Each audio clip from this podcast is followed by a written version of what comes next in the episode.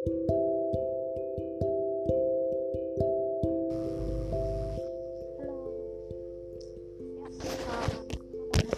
wabarakatuh.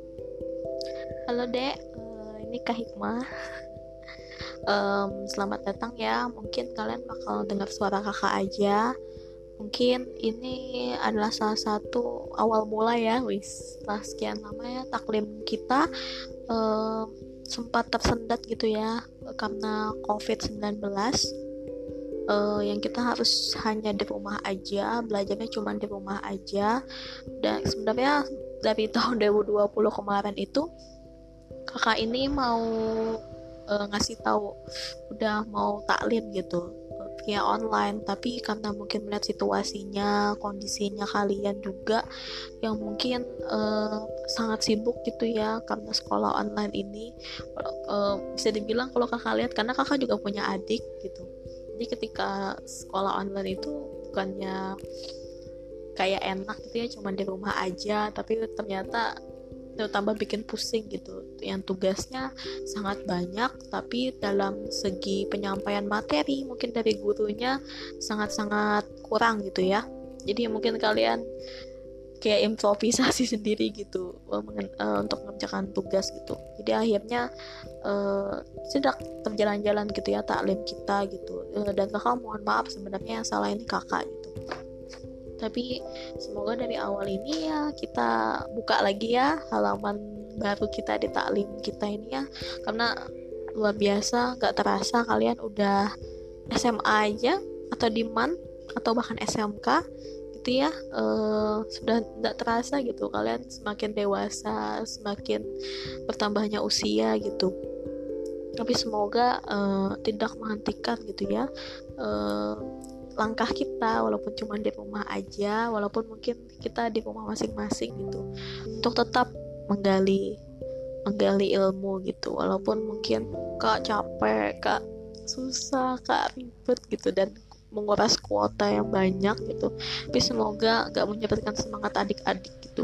Karena kita salah satu salah satu uh, apa tanda orang yang memiliki tujuan hidup adalah dia terus belajar dan belajar gitu. Dan di sini di sini juga Allah menjanjikan kepada kita gitu ya kepada orang-orang yang menuntut ilmu itu sebenarnya bisa dibilang wih, matinya tuh matinya mati syahid gitu. Karena kenapa? Kan maksudnya cuman maksudnya kayak ya segitu gitu pahalanya. Karena kenapa ya orang yang belajar itu orang yang terus belajar gitu memang luar biasa gitu ya memang banyak godaannya gitu ya kemalasan lebih tepatnya banyak godaannya. Bahkan kalau misalnya kita lihat imam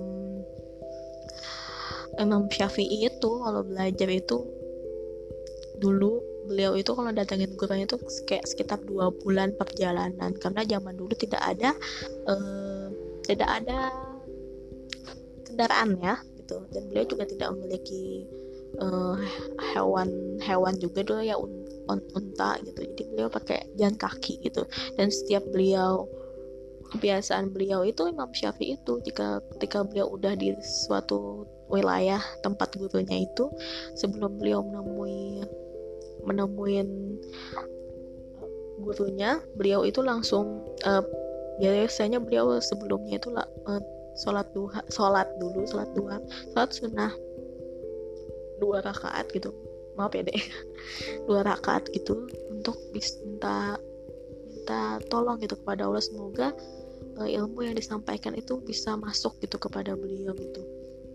Jadi masya Allah ya sekelas Imam Syafi'i gitu ya dengan segala keterbatasan pada saat waktu zaman dahulu bisa tetap semangat gitu. Apalagi kita sekarang gitu ya uh, mungkin karena kejadian yang telah terjadi sekarang ini uh, semoga mungkin waktu dan suasananya berbeda. Tapi sebenarnya kita kayak anggap aja sama gitu ya goncangannya.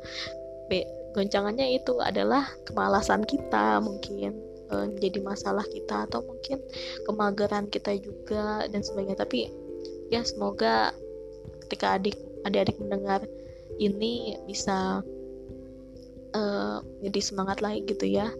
Uh, jadi sebenarnya ini kakak cuman mau sedikit cerita gitu ya masalah ini ya sekalian juga lama tidak betul bertegur sapa sama kalian. Uh, sebelumnya kakak mohon maaf mohon maaf lahir dan batin. Tiba-tiba kayak lost kontak sama kalian tiba-tiba kayak menghilang aja gitu. Semoga dari sini bisa kita akrab kembali ya deh seperti pada waktu dahulu. Dan mungkin uh, kakak juga minta tolong ya kepada teman-teman yang lain kasih tahu ke kepada teman yang lain juga kelompok di kelompok kita ya. Kakak bener-bener kemarin itu tidak tahu uh, keberadaan Dina terus itu si Nopita itu kakak bener-bener nggak tahu gitu. Kalau Ica kemarin sempet los cuman nggak tahu sekarang ini WA nya masih aktif atau enggak. Jadi kakak minta tolong yang lain ya minta tolong. Jadi insya Allah taklim kita itu entah nanti kakak lewat podcast ini misalnya lewat podcast atau mungkin lewat uh, chat WA gitu. Kalau kayaknya kalau misalnya kita pertemuan video call sepertinya uh, banyak yang nggak ini ya tidak sempat gitu. Bahkan mungkin perbedaan waktu perbedaan waktu mungkin tugas yang banyak dan sebagainya. Jadi eh, nggak uh, masalah. Yang penting kalian tetap uh, mau belajar gitu. Jadi kakak setiap minggu akan insya Allah ya akan memberikan materi dan semoga kalian nggak bosan. Dan mungkin kalau misalnya ada yang kalian ingin curhatkan sebagai kasih tahu aja ke kakak gak masalah gitu. Jadi mungkin kita yang ringan-ringan aja hari ini materinya tentang mengenai apa ya? Um, jadi oh ya um, mungkin uh, ya kita kakak akan menjelaskan mengenai teman perjalanan gitu. Nah, nah materi hari ini mengenai teman perjalanan gitu. Apa itu teman perjalanan gitu? Uh, oh sebelumnya mohon maaf tiba-tiba kakak langsung ke materi. Sebelumnya uh, puji dan syukur ya kita uh, rahmatkan ya kita panjatkan gitu kepada puji kita kepada kita kepada Tuhan kita yaitu Allah gitu ya. Uh, atas uh, segala ridhonya kita dapat berkumpul kembali. Dan terima kasih adik-adik yang udah mau masih uh, merespon kakak gitu pada kakak tiba-tiba hilang. Uh, dan terima kasih juga uh, atas segala rah kita dapat berkumpul kembali walaupun hanya di rumah masing-masing. Semoga dari suara kakak ini bisa semang kembali gitu. Ada hawa-hawa ingin ikut taklim lebih aktif lagi gitu ya. Karena ya sayang banget misalnya ketika kita udah ikut taklim tiba-tiba kita lepas gitu kayak ih sayang banget gitu sayang aja. Karena kayak ketika bayangkan bayangkan gak sih dek kayak kalian dulu itu atau SMP kayak dari sekian banyak teman-teman adik-adik yang mungkin habis pulang sekolah itu langsung pulang atau mungkin uh, si, si uh, mungkin nongkrong ke mana dan maksudnya yang kurang bermanfaat gitu ya. Tapi adik-adik memilih untuk ke rumah ibu Sri gitu ya ke rumah ibu Sri untuk nambah ilmu baru mungkin les juga ya terus habis itu juga lanjut taklim gitu. Tapi kakak tahu itu capek banget tapi masya allah gitu adik-adik ini luar biasa uh, mau ikut taklim gitu. Jadi sayang banget kalau misalnya uh, berhenti di tengah jalan gitu. Jadi semoga dari sini um, menjadi apa ya semangat lagi gitu ya. Walaupun berbeda berbeda media gitu. Dulu yang kita bertemu secara langsung sekarang lewat online bahkan lewat suara aja gitu. Oke okay, uh, eh, hari ini kakak akan menjelaskan gitu ya. Akan menjelaskan uh, sedikit uh, membahas ya materi mengenai teman perjalanan. Apa sih teman perjalanan itu maksudnya? Yang udah pasti kita tahu ya kita sebagai manusia mungkin nggak bisa lepas dari manusia yang lain gitu. Kita manusia pasti membutuhkan seseorang seseorang gitu. Widi maksudnya seseorang itu baik ya orang tua kita baik saudara-saudara kita teman kita atau mungkin pasangan sendiri gitu ya. Tapi mungkin kalau pasangan kita masih belum lah ya gitu. Semoga cepat nanti kalau udah disegerakan sudah selesai semua sekolahnya bisa ditemukan dengan jodohnya gitu. Tapi kita memang sebetulnya memang butuh teman gitu. Kenapa? Gitu bahkan dalam Islam pun juga dijelaskan gitu. Bahkan Rasulullah pun bilang kalau ketika kamu mendapatkan seorang yang seorang teman dekat dan orang itu membawa eh, hal-hal uh, yang baik, hal-hal yang mengantarkan kamu kepada kebaikan dan kesolehan, maka maka jagalah ia gitu, jangan sampai lepas gitu ya. Uh, uh, jadi jadi teman perjalanan dalam Islam sendiri itu sangat-sangat diperlukan gitu. Dalam Islam pun juga menganjurkan kita memiliki teman gitu. Teman yang paling dekat gitu yang bisa disebut dengan sahabat. Bahkan sekelas Rasulullah pun beliau itu luar biasa gitu ya. Um, sangat dekat sebenarnya sama sama Allah gitu ya yang kayak kayak mungkin kalau dapat kartu VIP itu Rasulullah tuh udah dapat gitu. Bahkan udah dijanjikan bakal masuk surga gitu sama Allah. Tapi beliau juga butuh teman gitu butuh uh, sahabat yang menjadi teman diskusi menjadi teman untuk men, apa untuk menyelesaikan suatu masalah beliau tuh pasti butuh pendapat orang-orang lain yang bernama sahabat gitu. Nah jadi kalau Rasulullah itu sebenarnya dekatnya itu sama Abu Bakar gitu. Jadi Abu Bakar ini tipe yang luar biasa ya bijaksana dan sebagainya gitu. Dan itu menjadi uh, sahabat gitu. Rasulullah itu dekat banget sama Abu Bakar. Walaupun teman sahabat-sahabat lain juga dekat gitu. Tapi ya Abu Bakar tuh bisa dibilang kan adalah salah satu sahabat yang paling duluan lah dalam masuk Islam dalam uh, dalam berpendapat dalam berdiskusi sama Rasulullah itu ya beliau paling duluan lah ya pada sahabat-sahabat yang lain gitu. Jadi uh, teman perjalanan gitu.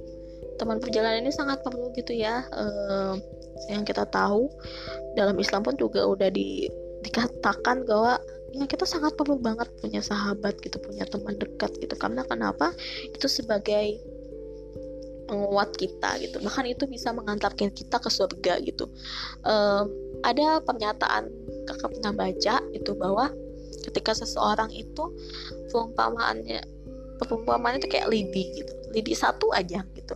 Ketika ki, ketika lidi itu kayak di dimain dimain-mainkan di kayak disapu-sapu atau dicoba dipatahkan itu sangat mudah rapuh gitu kan dek.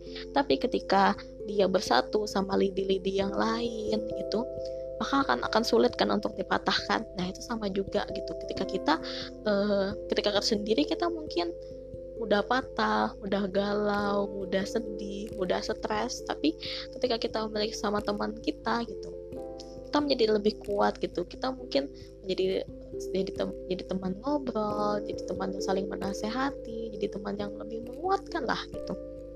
Jadi seperti itulah gitu. Itu kayak perumpama kayak perumpamaan simpelnya gitu. Kita dari lidi gitu ya. Anggap aja seperti lidi gitu. Jadi ketika lidi kalau ya lidi itu anggap aja kita sendiri gitu. Ketika kita sendiri mungkin kita mungkin oh, pengen nih istiqomahnya mungkin ngajinya e, lima lembar atau setengah jus gitu ya dalam sehari niatnya juga sudah terkumpul gitu udah ada terkumpul gitu niat. Tapi ketika udah sendiri di rumah tuh kita kayak aduh kayaknya asik nih rebahan di rumah.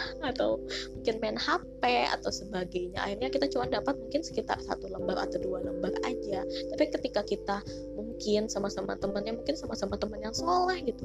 Eh kita anu ya ini tujuan apa ada niatan nih mau selesaikan uh, selesaikan apa setengah jus gitu. Ayo kita barengan nah itu coba deh adik-adik kalau misalnya mungkin mungkin sama teman gitu kalau kita belajar bareng biasanya lebih inilah ya lebih cepat lah selesai atau sebagainya gitu. Jadi seperti itu.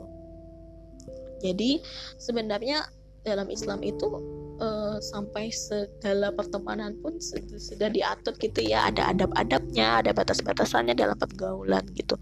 Dan uh, boleh nggak sih kita tuh memilih memilah-milih teman gitu dalam Islam sendiri? Sebenarnya kita kita tuh nggak masalah nggak apa-apa sebenarnya. Kita berteman sama siapa pun kan nggak masalah. Emang harusnya kayak gitu. Karena kita ya menghargai orang lain kita ingin dihargain kita juga harus menghargai orang lain gitu. Tapi ada pada saat untuk memilah-milih teman kita yang dekat banget gitu ya pasti kita memilih teman ya.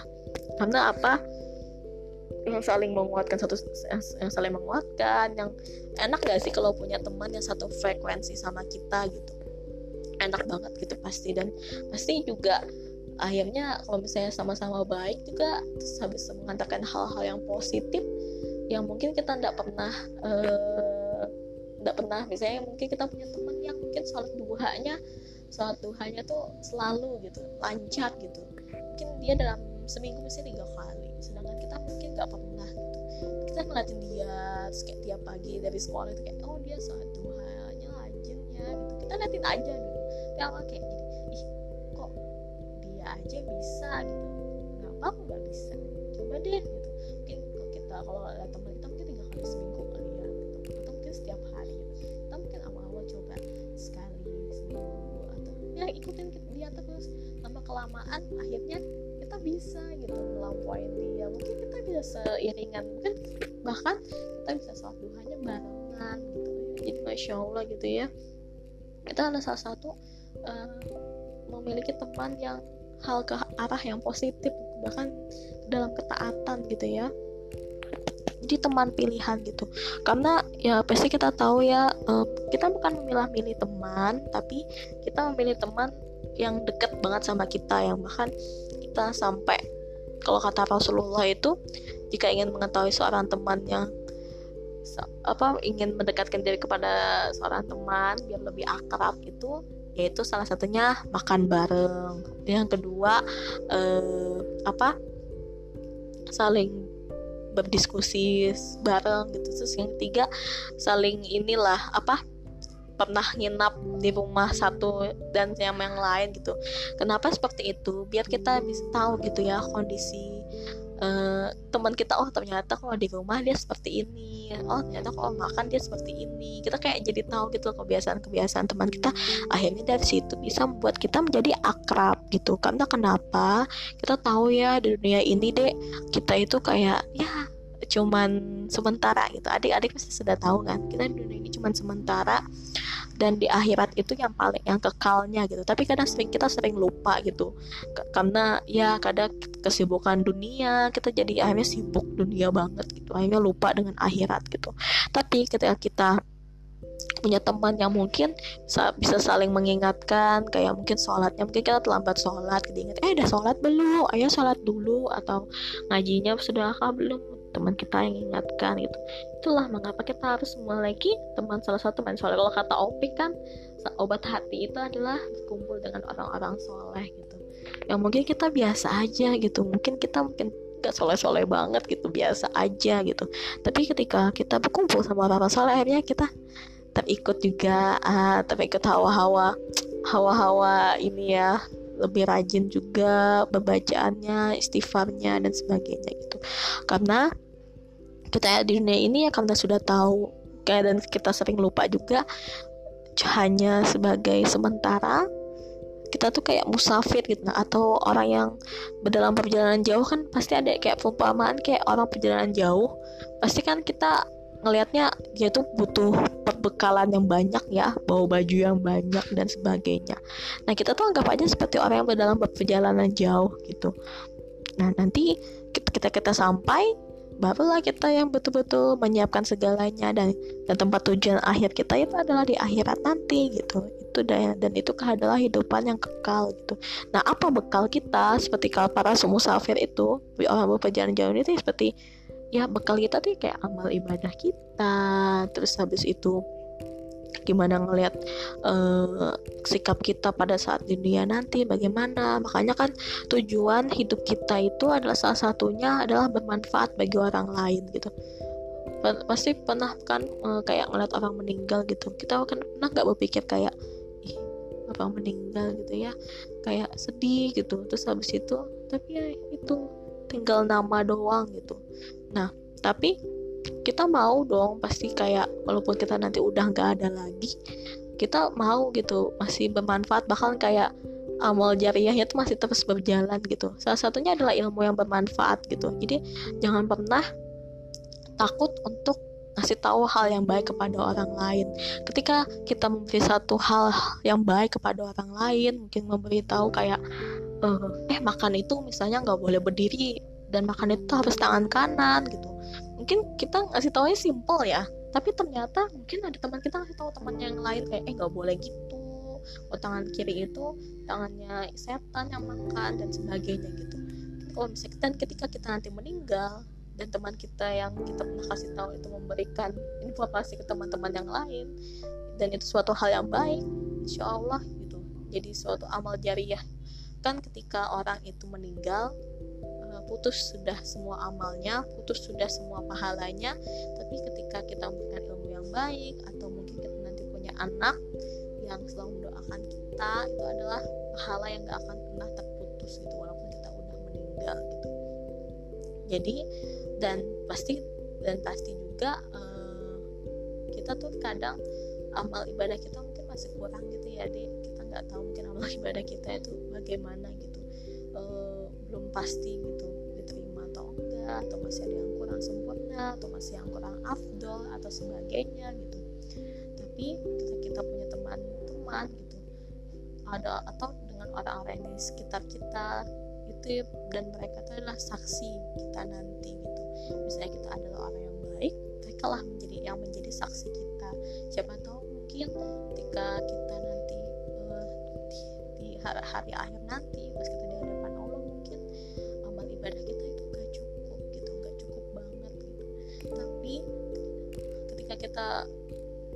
ada orang-orang di sekitar kita yang bersaksi kalau kita adalah orang yang baik kita adalah orang yang mungkin selalu membantu orang lain dan sebagainya mungkin yang bisa mengantarkan kita gitu ke surga gitu. Kita nggak ada yang tahu gitu. Jadi ingat banget kakak selalu dikasih tahu uh, kita mungkin bukan siapa-siapa ya kita bukan seseorang yang mungkin uh, berpengaruh gitu di dunia ini. Tapi sebenarnya bermanfaatlah bagi orang lain gitu. Uh, jadi seperti itu terus habis itu tem uh, kalau kata Umar bin Khattab teman yang baik tidaklah seseorang diberikan kenikmatan setelah Islam. Jadi kenikmatan yang pertama itu adalah Islam, yang kedua adalah kenikmatan memiliki saudara semuslim yang soleh gitu. Apabila engkau dapat salah satu seorang sahabat yang soleh, maka peganglah erat-erat. Dan selain itu juga Rasulullah bersabda setiap orang akan dikumpulkan bersama orang yang ia cintai gitu. Nah itu dan mereka itu adalah saksi kita nanti pasti akhirat nanti gitu.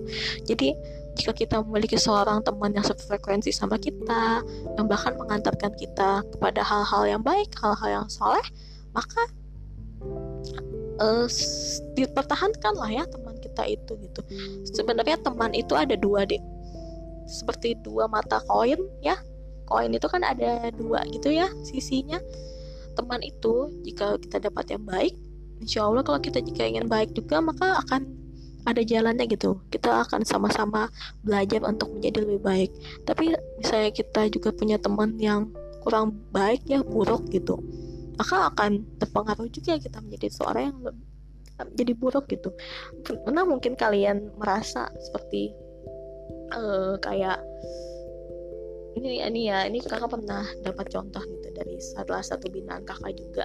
Kakak pernah kayak jelaskan um, kayak dek kalau kalau kita punya teman yang buruk tuh bisa pengaruh juga loh sama kita. Mungkin awal-awalnya tuh biasa aja kitanya tapi lama kelamaan karena kita dekat sama dia kita karena kita sering ngobrol sama dia akhirnya mungkin um, terikut lah dia. Sama juga kita kayak seperti punya teman yang baik juga. Kalau misalnya kita mungkin awalnya nggak terlalu baik-baik banget tiba-tiba ngeliat dia jadi baik banget ya karena kita juga karena ini karena perilaku teman kita itu bisa mempengaruhi kita gitu. Nah, salah satunya contohnya seperti apa? Misalnya nih ya, kita punya teman yang buruk nih, misalnya dia tuh suka banget berkata-kata kasar gitu. Misalnya ya kayak ya dia, dia tahu pasti ya kata-kata kasar gitu. Atau kata-kata yang seperti negatif ah ya mungkin orangnya memang ceplos-ceplos, ah ya mungkin orangnya memang ya seperti inilah gitu. Emang orangnya ya memang ceplos-ceplos aja gitu. Gak masalah itu emang dia gitu. Tapi misalnya kita sering sama dia ngomong-ngomong sama dia eh dan ini ketika kita mungkin selalu dengar dia dengan kata-kata kasarnya dia itu mungkin bisa mempengaruhi kita akhirnya kita bisa terjadi terikut berkata kasar juga gitu dan kakak tuh pernah nanya sama binaan dan itu beberapa kali mencontohkan gitu ya. Dan mereka bilang iya kak bener banget. Kayak dulu tuh gak pernah dengar kata-kata itu. Tapi pas waktu itu pernah marah sama temen tuh ngomong kata itu dong dan semua kelas pada kaget katanya. Kayak ih kok bisa ngomong kayak gitu juga? Kayak ah gitu. Karena kenapa? Ya telinga kita ini mendengarkan terus otak kita tuh kayak memproses informasi gitu loh. Dan itu kan kata-kata yang negatif dan manusia itu uh, dalam penelitiannya psikologi bilang manusia itu paling cepat menyerap hal-hal yang negatif gitu. Dan ya makanya kenapa banyak orang yang ketika melakukan satu kesalahan kayak langsung kebaikan dia tuh langsung dilupakan sama semua orang gitu. Karena kebanyakan manusia itu mengingat hal-hal yang negatif langsung gitu kayak langsung ternotis gitu. Ih dia jahat banget padahal dulu-dulu dia melakukan banyak kebaikan gitu. Karena emang manusia itu cepat gitu kalau nangkap hal-hal yang baik gitu. Makanya kenapa kita ah, emang harus gitu ya kalau kata Rasulullah tuh uh, waktumu itu masa mudamu itu disiapkan untuk hal-hal fokuslah pada hal-hal yang bermanfaat bermanfaat gitu ya jangan yang mudarat gitu yang enggak bermanfaat gitu. Karena biar kita selalu menerima informasi-informasi yang positif dan sebagainya. Jadi seperti itu. Uh, jadi luar biasa ya dalam Islam itu benar-benar gitu teman perjalanan itu sangat sangat diperlukan gitu. Terus uh, teman yang baik itu kayak apa sih ciri-cirinya gitu. Jadi ada salah satu ada ciri-cirinya nih deh di di buku ini dijelaskan gitu. Salah satu ciri-ciri teman yang baik itu pertama adalah dapat menjaga rahasia ya. Pasti kakak itu sangat spesial banget jika kakak merasa spesial banget ketika orang itu mau menceritakan cerita dia kepada kakak gitu. Kakak merasa dihargain kakak merasa kayak oh, orang ini percaya nih sama aku gitu. Karena mendapatkan suatu kepercayaan dari orang lain itu sangat susah loh deh susah banget gitu. Bahkan kad selalu bahkan kasusnya selalu. Ketika kita mungkin melakukan kesalahan kayak gini kayak gini nggak masalah gitu. Tapi ketika kita memegang rahasia orang dan kita itu menghancurkan rahasia itu maksudnya itu kayak gak amanah gitu ya menghancurkan rahasianya gitu atau mengumbarkan rahasianya orang itu akan kecewa dan akhirnya pasti gak akan percaya lagi sama kita gitu. Itu adalah salah satu hal yang sulit sebenarnya gitu. Dan salah satu tanda-tanda orang munafik itu kan ketika dia diberi amanah gitu ya atau menjaga rahasia gitu saat dia malah mengumbar atau bahkan yang tidak amanah gitu ya. Terus yang kedua selalu berbaik sangka kepada kita husnuzon gitu. Kita tahu pasti ya itu kita seringnya suzon memang tapi dalam Islam kita harus berhusnuzon gitu. Bahkan sama Allah aja kita harus berhusnuzon gitu. Apalagi kepada manusia gitu ya. Um, misalnya kita mungkin mendengar teman kita mungkin ada kabar-kabar yang gak baik tentang dia jika mungkin belum ada faktanya kita tetap husnuzon aja sama dia mungkin. Uh, ya ada kabar-kabar yang mungkin ini aja atau mungkin kayak ah belum belum belum fakta nih jangan langsung jangan langsung apa mengambil kesimpulan kalau dia itu emang salah gitu. Kita harus husnuzon aja gitu gitu ya. Terus yang ketiga selalu selalu ada saat dibutuhkan. Pasti salah satu sahabat teman ya atau sahabat ketika kita perlu banget sama dia ketika dia datang kita kayak langsung ih ih kayak ya kamu kok baik banget tuh? Kamu kayak malaikat banget sih. Ketika aku lagi lagi apa lagi susah kamu datang gitu. Itu bukan kita aja yang mengharapkan itu gitu. Kita juga harus kayak gitu juga. Kita kita, kita teman kita uh, membutuhkan kita maka kita juga harus cepet gitu. Cepet tanggap saat dia butuhkan kita kita harus juga cepet tanggap gitu ya. Makanya kalau misalnya ada apa-apa itu cerita aja dia jangan sungkan gitu. Tapi emang sulit sih untuk menceritakan eh, hal-hal yang mungkin ada masalah di hidup kita mungkin nggak mudah untuk menceritakan ke orang lain gitu. Tapi ceritakan aja jika tidak kuat gitu. Karena kita memang seperti itu gitu. Ada hal-hal yang mungkin emang nggak harus disimpan di kita. Karena kenapa? Kalau misalnya kita simpan terus itu bakal menjadi sakit banget sumpah gitu. Makanya keluarkan aja kalau jika ada masa tuh nangis aja nggak masalah. Nangis itu bukan tanda orang lemah sebenarnya. Nangis itu adalah tanda orang yang kuat gitu tapi ketika kita nangis pasti kita langsung kayak plong langsung kayak kayak agak lega lah sedikit gitu. Dan kita menceritakan masalah kita kepada orang lain. Mungkin atau apalagi kalau misalnya kita minta solusinya gimana gitu. Tapi kebanyakan cewek itu minta didengarin aja sih. Gitu. Jadi ya selalu ada ya saat dibutuhkan gitu. Dan kita, pada saat teman kita membutuhkan kita kita juga harus siap juga ada gitu ya. Tapi uh, kita juga paham situasinya. Kalau misalnya teman kita juga ada masalah ya kita lihatlah situasinya seperti apa gitu ya. Adik-adik pasti udah pintar banget lah masalah ini gitu. Terus yang keempat ciri-ciri teman yang baik adalah mengajak pada ketaatan gitu. Eh, jadi masya Allah ya mengajak pada ketaatan. Jadi kakak udah contohkan gitu ya. Salah satunya mungkin ya saat duha tadi atau mungkin uh, nanti ya tanggal 16 April nanti insya Allah mungkin kita akan menjalankan puasa gitu. Nah nanti mungkin siapa tahu dari sini uh, ngajak kebaikannya mungkin salah satunya yang bangunin sahur abis itu langsung kasih tahu eh habis sahur jangan langsung tidur langsung ini aja sholat tahajud gitu disambilkan sholat tahajud dan sebagainya gitu. ada salah satu tem yang mengajak kepada kebaikan lah setidaknya walaupun kita udah ngasih tahu teman kita uh, ngajak aja gitu eh eh ayo yuk eh, kita ini tahajudan atau eh ayo jangan lupa ini zikir paginya atau zikir sorenya gitu so, walaupun mungkin teman kita oh iya iya ternyata dia mungkin lupa atau mungkin tidak terlaksana gak masalah yang penting kita tetap kasih tahu gitu pada dia gitu ya Terus habis itu yang kelima mengingatkan kita di kala kita salah gitu.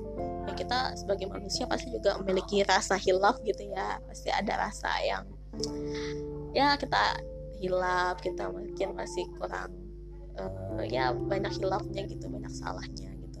Maka kita ketika kita pasti ya baiknya kita menasehati teman kita atau teman kita nasehatin kita kita sebaiknya tuh ya mendengarkan mungkin uh, ya itu sebagai nasihat ini tapi kadang kalau kadang dilihat juga sih situasinya terkadang ada orang yang nggak siap gitu untuk menerima nasihat kita gitu. Contohnya kayak kakak ngasih tahu kalian ini ya gitu. tapi semoga kalian nggak tersinggung gitu sama kata-kata kakak gitu.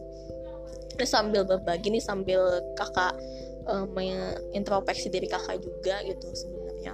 Jadi uh, ya kita lihat lagi situasinya kalau teman kita lagi nggak siap untuk dinasehati untuk dikasih tahu ketika dia salah maka nanti aja diem aja dulu gitu. Tapi kalau nanti lihat aja situasi kalau misalnya dia situasi lagi bahagia atau situasi lagi dia lagi gak sensitif banget kan karena ada banyak manusia yang tipenya mungkin lagi sensitifan mungkin dia lagi haid kah atau sebagainya.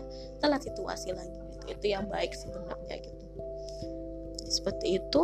Terus yang keenam senantiasa senantiasa berperilaku jujur amanah dan bertanggung jawab. Masya allah ya ini kayak udah serasa pilkada jujur amanah dan bertanggung jawab gitu. Tapi seperti itulah gitu ya. Salah satu cara untuk um, orang itu menghargai kita salah satu orang itu percaya sama kita adalah kita berperilaku jujur amanah bertanggung jawab gitu. Karena hal yang tertinggi dari seorang manusia itu mendapat penghargaan dari orang lain adalah kepercayaan tapi kalau kepercayaan itu udah hancur orang bakal kecewa sama kita dan gak akan percaya lagi sama kita dan itu akan jadi kecewa dan bakal bisa merenggangkan eh, pertemanan dan persahabatan gitu ya. Terus yang ketujuh ikut bahagia ketika memperoleh kebahagiaan gitu. Ya kita turut senang jika ada orang yang sen apa bahagia gitu ya. Kita jangan jadi seorang yang punya penyakit hati dengki gitu ya penyakit hati dengki gitu yang kayak orang lain ini apa uh, dapat dapat apa sih? Dapat kebahagiaan. Saya mungkin dia dapat nilai yang bagus atau mungkin dia dapat HP baru. Terus kayak ih apaan sih? Ini ini ini gitu. Ya nggak masalah tuh mungkin rezekinya dia. Ya nggak apa-apa. Kita tuh bahagia dong kayak apa gitu. Jangan pernah banding-bandingkan diri kita ih dia tuh kayak gini gak akan selesai seperti itu gitu. Tapi kita tetap bahagia aja gitu. Kayak oh, alhamdulillah temanku punya HP baru. Oh alhamdulillah temanku dapat nilai yang baru. Mungkin kita bisa positif aja ya belajar kayak oh mungkin kalau nilainya jelek karena aku kurang belajar atau sebagainya seperti itu. Terus yang kedelapan ini mungkin sulit kali ya tapi mudah memaafkan kesalahan gitu. Kakak tahu untuk memaafkan seseorang itu kayaknya sulit gitu ya gitu. Tapi kalau kalau di Al-Quran kan bilang Allah pun juga berfirman pernah bilang kayak ya kalau misalnya kamu dizolimin oleh orang lain maka balaslah yang sama apa yang dilakukan sama kamu gitu.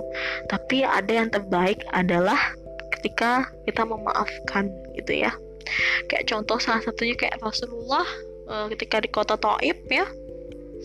Taib itu bisa dibilang Madinah nama Madinah ya dulu. Yang beliau itu uh, dilempar gitu ya ketika menyampaikan dakwah beliau menyampaikan eh malah dilemparin batu kotoran dikasih umpatan dikasih ya segala macam lah yang kurang baik gitu. Tapi apa gitu. Terus malaikat Jibril mendatangi Rasulullah gitu kayak aku bisa um, apa membuat gunung-gunung di kota Taib ini nih uh, jatuh gitu. Dan itu juga atas izin sama Allah gitu ya. Tapi Rasulullah bilang apa? Rasulullah cuma bilang enggak enggak usah. Sungguhnya mereka nggak tahu gitu. Ya karena ketidaktahuan mereka tentang Islam karena ketidaktahuan mereka ya dan tentang hal yang baik mereka masih terpengaruh sama hal-hal budaya yang mereka pegang dan kepercayaan mereka pegang makanya mereka seperti itu. Hal semua cuma bilang ya nggak apa-apa gitu. Beli sesungguhnya mereka nggak tahu gitu. Ternyata ketika beliau memilih hal itu gitu kita bisa dibilang ternyata di penduduk kota Taib tuh yang bahkan melahirkan banyak penghafal Quran, banyak yang menyebarkan dakwahnya Rasulullah ke berbagai negara dan berbagai wilayah gitu. Coba ya kalau Rasulullah tuh pakai hati ya, pakai hati lagi baper-bapernya nih misalnya. Iya iya iya. Kalau mungkin kalau malaikat nawarin itu dia iya ya hancurkan aja, hancurkan aja gitu. Tapi enggak gitu. Oh, Rasulullah bahkan kayak enggak, sesungguhnya mereka nggak tahu. Tapi dan ternyata pilihan beliau tuh tepat. Yang luar biasa ya. Ternyata beliau lahir apa kayak membawa generasi di kota itu dengan dengan menyampaikan lagi di kota Taif itu dan diterima akhirnya dan melahirkan banyak penghafal Quran dan yang menyebabkan dakwah Rasulullah. Jadi masya Allah gitu ya. Hal yang terbaik memang ya kita membahas setimpal yang sesuai lah. Yang sama gitu levelnya sama yang pernah dikasih kita ke kita gitu. Tapi ada level yang tertinggi adalah ketika memaafkan kesalahan orang lain gitu. Masya allah gitu ya. Terus habis itu ya keuntungan mempunyai sahabat yang soleh gitu. Yang pertama adalah sahabat yang soleh akan selalu mengingatkan dan menasihati kita apabila salah gitu. Dan kakak bilang lagi ya ketika kita melakukan hal yang salah dan kita yang dinasehatin ya kita bersyukur masih ada orang yang peduli sama kita gitu. Nah tapi yang menasehatin kakak ingat lagi kita tahu lagi kondisi orang ini gimana. Mungkin dia lagi tidak bisa dinasehatin mungkin dia lagi uh, bad mood atau mungkin ada masalah di rumah kah dia jadi nggak bisa. Jadi kita lihat dulu situasinya seperti apa gitu. Jangan langsung kita langsung kayak kamu tuh salah gini gini gini misalnya seperti itu. Nggak bisa gitu juga gitu bukannya dinasehatin orang itu jadi akhirnya dedek sama kita jadi marah sama kita gitu ya gitu. Jadi seperti itu. Terus yang kedua sahabat yang soleh juga akan selalu mendoakan sahabatnya meskipun sahabatnya tidak mengetahui. Jadi masya allah ya. Ini yang dilakukan Rasulullah dulu pada saat ini. Rasulullah dulu tuh pernah berdoa kepada Allah setiap malam. Kayak semoga nanti para salah satu ketua kaum kafir Quraisy itu yang bernama Umar. Jadi ada Umar itu ada dua. Dia Umar bin Khattab sama Umar siapa gitu kakak lupa nama belakangnya beliau. Dia berdoa Rasulullah itu berdoa semoga dari salah satu pemimpin kaum kafir Quraisy yang bernama Umar. Umar siapa pun bisa masuk Islam dan menjadi pembela Islam. Eh ternyata memang hidayah Allah itu gak jauh gitu ya. Kayak kayak dadakan aja gitu. Allah tuh kalau meridoi itu bakal terjadi gitu. Dan beliau tuh akhirnya meri dan akhirnya Allah meridainya itu memberi hidayah kepada Umar bin Khattab dengan cara yang gak disangka-sangka ketika Umar bin Khattab itu rencana ingin uh, menusuk Rasulullah. Datang langsung ke rumah karena Umar kan kita udah tahu ya beliau itu emang terkenal dengan sifat kerasnya jadi jadi gitu uh, dan ketika pas beliau lewat mau ke rumah Rasulullah eh dia dengar adiknya Umar bin Khattab ini lagi ngaji sama suaminya gitu. Dan ternyata kayak pernah mau marah kan tapi kayak pas pas beliau mendengar bacaannya adiknya dan suaminya adiknya itu kayak kayak ada rasa Tuhan gitu ya hidayah tuh datang gitu akhirnya ketika beliau ke rumah Rasulullah yang rencananya ingin membunuh Rasulullah sampai sahabat tuh udah kayak apa sih berbaris berpegangan tangan kayak ngelindungin Rasulullah kayak nggak nggak boleh ketemu kayak nggak boleh gitu. Terus Rasulullah dengan tenangnya kayak ya nggak apa-apa kenapa ada apa? gitu maksudnya ada apa ke rumah gitu kan. Kayak lihat dikira sahabat bakal umat bakal menusuk pedangnya ke Rasulullah ternyata malah bersyahadat gitu. Jadi kayak emang hidayah Allah tuh hal yang mahal ya dek. Kayak mahal banget sebenarnya. Kayak kita nggak tahu dapat hidayah yang tiba-tiba dan sebagainya. Kita udah dapat yang luar biasa ya nikmatnya dapat hidayah itu. Ada yang sulitnya adalah untuk istiqomahnya gitu. Masya Allah jadi ya dari Rasulullah pun berdoa dan ya kita tahu sekarang umat itu sebagai pembela Islam yang luar biasa gitu ya. Bahkan katanya Rasulullah itu apa umat itu aja sampai dibilang kan singa di padang pasir ya? Kalau nggak salah kalau maaf kalau kakak salah misalnya bisa dikoreksi nanti. Dan dan itu umat itu sampai katanya aja uh, setan aja oh ketemu umat itu balik lagi. Ya bukan balik lagi kembali uh, cari jalan yang lain. Kalau ketemu ini kayak luar biasa gitu ya karena umat ini luar biasa gitu. Jadi uh, jadi uh, sahabat yang baik adalah yang selalu mendoakan sahabatnya. Ya kita jangan lupa juga ketika habis kita selesai berdoa kita jangan lupa doakan orang tua kita itu pasti. Doakan diri kita pribadi doakan saudara-saudara kita doakan keluarga-keluarga kita. Dan jangan jangan lupa juga doakan teman teman-teman yang udah bersama kita apalagi teman-teman yang yang membawa ketaatannya kepada diri kita gitu. Kakak tahu kok pasti kalian punya teman-teman yang yang deket lah sama kalian gitu. Tapi uh, semoga menjadikan kalian menjadi hal orang yang lebih baik gitu. Bahkan mendatang lebih dekat gitu sama Allah gitu ya. Sama-sama kita sama-sama menjadi lebih baik. Manusia itu pasti sering banyak salahnya banyak sering hilafnya tapi uh, kita belajar menjadi seorang yang lebih baik itu lebih bagus gitu ya. Terus ketiga kesalahan seorang sahabat dapat menular gitu, sehingga seorang juga akan menjadi soleh dengan izin Allah nah itu kakak bilang tadi ya mungkin awal-awal kita memproses gitu kayak teman kita nggak biasa. Mungkin atau enggak mungkin kita pertama awal nggak pakai jilbab terus sama kita teman teman kita pakai jilbab. Awal-awal mungkin kita kayak ah biasa aja ah belum belum dapat hidayah nih kayaknya gitu. Tapi kalau hidayah itu bukan menunggu deh hidayah itu dicari gitu. Kita mencari berusaha gitu ya. Kan awal-awal kita coba dulu sehari pakai jilbab. So uh, atau mungkin ya kayak terpaksa mungkin awal-awalnya kayak ih cobalah dulu pengen juga nih atau penasaran deh coba. Bah kelamaan akhirnya jadi nyaman gitu kan. Ini luar biasa gitu. Nikmatin setiap proses hidup dalam diri kita. Karena kita memang manusia itu memang berproses ingat gak dulu kita dulu zaman kita masih kecil? Mungkin kita nggak bakal ingat tapi kita kalau lihat anak-anak adik-adik mungkin punya adik atau mungkin punya adik sepupu dia dia mungkin kayak gak putus asa gitu ya dalam berproses untuk berjalan. Yang awalnya cuma merangkak terus habis itu pegang-pegang dinding untuk berdiri habis berdiri dia mencoba berjalan. Walaupun itu mereka, tuh jatuh terus tapi tetap berusaha gitu ya. Apalagi kita. Emang manusia itu emang selalu berproses untuk menjadi yang lebih baik pastinya. Makanya kenapa kita harus jadi yang memang memutuskan untuk diri kita bahagia itu memang diri kita sendiri. Itu ya memang kita yang milih itu.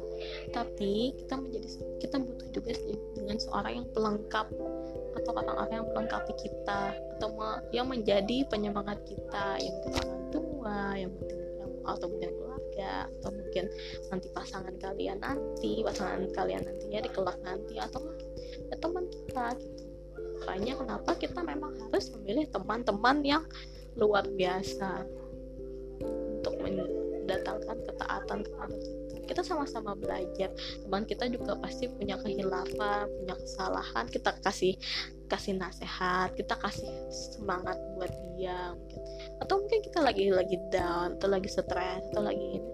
Kita teman kita yang kasih semangat. Ya semacam itulah gitu. Saling saling saling apa? Saling apa sih kayak menya menyatu lagi saling saling masing-masing apa saling apa sih? Saling kontribusi kontribusi masing kontribusi mana kayak mana ya ya menyatu satu sama lain gitu ya. Ya seperti itu. Eh maaf ya deh kalau kakak ada ada yang nggak jelas. Terus yang ketiga yang terakhir menghindari teman yang buruk sifatnya. Itu kakak udah kasih tahu ya karena kegagalan seseorang dengan teman yang buruk dapat memberi pengaruh keburukan juga ya. Jadi kayak tadi yang kakak bilang teman itu bisa membawa keburukan bisa juga membawa kebaikan gitu. Dia kayak dua sisi koin gitu. Jadi ter terserah. Jadi makanya kita memang harus memilih sahabat yang benar-benar yang baik untuk kita yang cocok sama kita. Jangan sampai uh, kita menjadi seorang yang bukannya tambah baik gitu malah tambah buruk gitu. Kita bukan memilih-milih teman cuman kita berpikir nanti di akhirat nanti bagaimana gitu.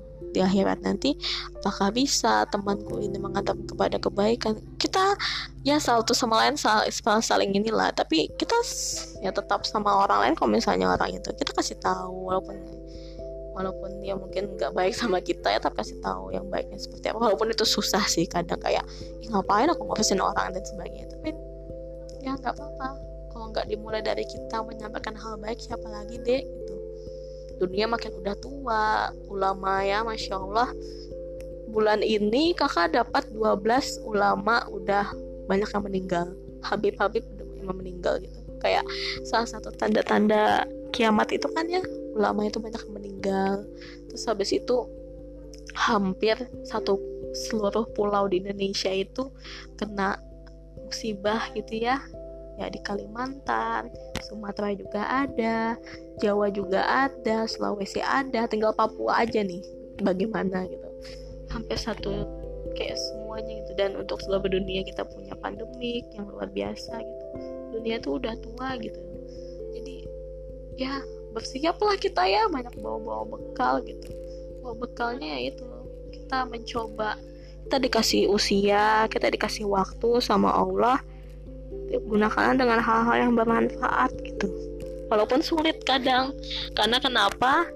Kadang ada rasa malas ada rasa mager yang membuat kita itu jadi nyaman sama zona nyaman kita. Kita diberikan segalanya bukannya makin produktif tapi malah jadi malas gitu. Ini sebenarnya buat ngasih tahu kakak juga. Kakak juga selama pandemi nih masya allah gitu ya. Subhanallah bukan masya allah subhanallah. Sangat malas sangat mager karena kayak di rumah aja nggak ngapa-ngapain.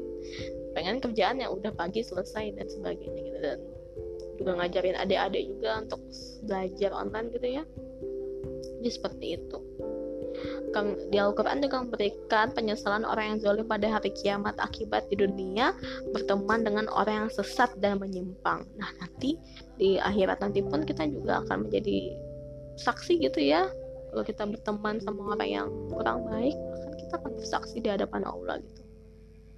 Makanya kalau bisa kita berusaha memiliki teman yang baik. Bukan malah milih teman tapi kita untuk hal-hal yang dekat sama kita kita pilihlah yang terbaik dari yang terbaik itu tapi tidak kita nggak fokus sama teman kita itu aja enggak. Kita tem ada teman yang lain. Kita baik sama semua orang. Kita berteman lah sebagai manusia yang baik gitu. Memanusiakan manusia wedis apa sih? Kakak ngomong apa sih? Jadi seperti itu. Uh, mohon maaf ya deh jika mungkin penjelasan kakak kurang jelas atau mungkin kurang uh, kurang berkenan mungkin ada yang kakak sampaikan mungkin ada rasa menyinggung dan sebagainya. Kakak mohon maaf karena sebenarnya materi hari ini juga sesungguhnya itu balik ke kakak lagi juga. Kakak juga menasehati diri kakak sendiri gitu. Uh, jadi selamat mendengarkan ya deh dari kakak. Uh, mungkin ini bakal kakak upload juga ke Spotify. Kalau kalian punya Spotify uh, kalian buka aja di podcast. Nanti kakak kasih linknya ya khusus buat kalian. Pod, kakak bikin podcast. Karena takutnya di WA kalian gak cek ini atau sebagainya. Kalau di YouTube kasihan kalian kuotanya kuotanya takut habis. Uh, nanti senyamannya aja bagaimana nanti kalian kasih tahu aja nyamannya gimana. Nanti kakak kasih kritik saran aja buat kakak ya. Dan dari kakak mohon maaf ya deh uh, uh, kita tutup ya. Uh, kita tutup ya pertemuan kita dengan ini dengan istighfar sebut tiga kali. Astagfirullahaladzim, Astagfirullahaladzim, Astagfirullahaladzim dan doa kifaratul majlis. Subhanakallahumma wabihamdika asyhadu an la ilaha illa anta astaghfiruka wa dan hamdalah alhamdulillah alamin. Uh, semoga ini menjadi uh, materi yang bisa membangkitkan semangat ya. Uh, semoga Adi mendengarkan. Terima kasih udah mendengarkan dari kakak. Assalamualaikum warahmatullahi wabarakatuh.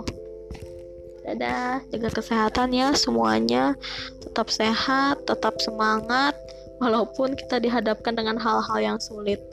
Uh, harus kita harus semangat karena dunia lagi nggak baik-baik aja. Oke okay deh dadah.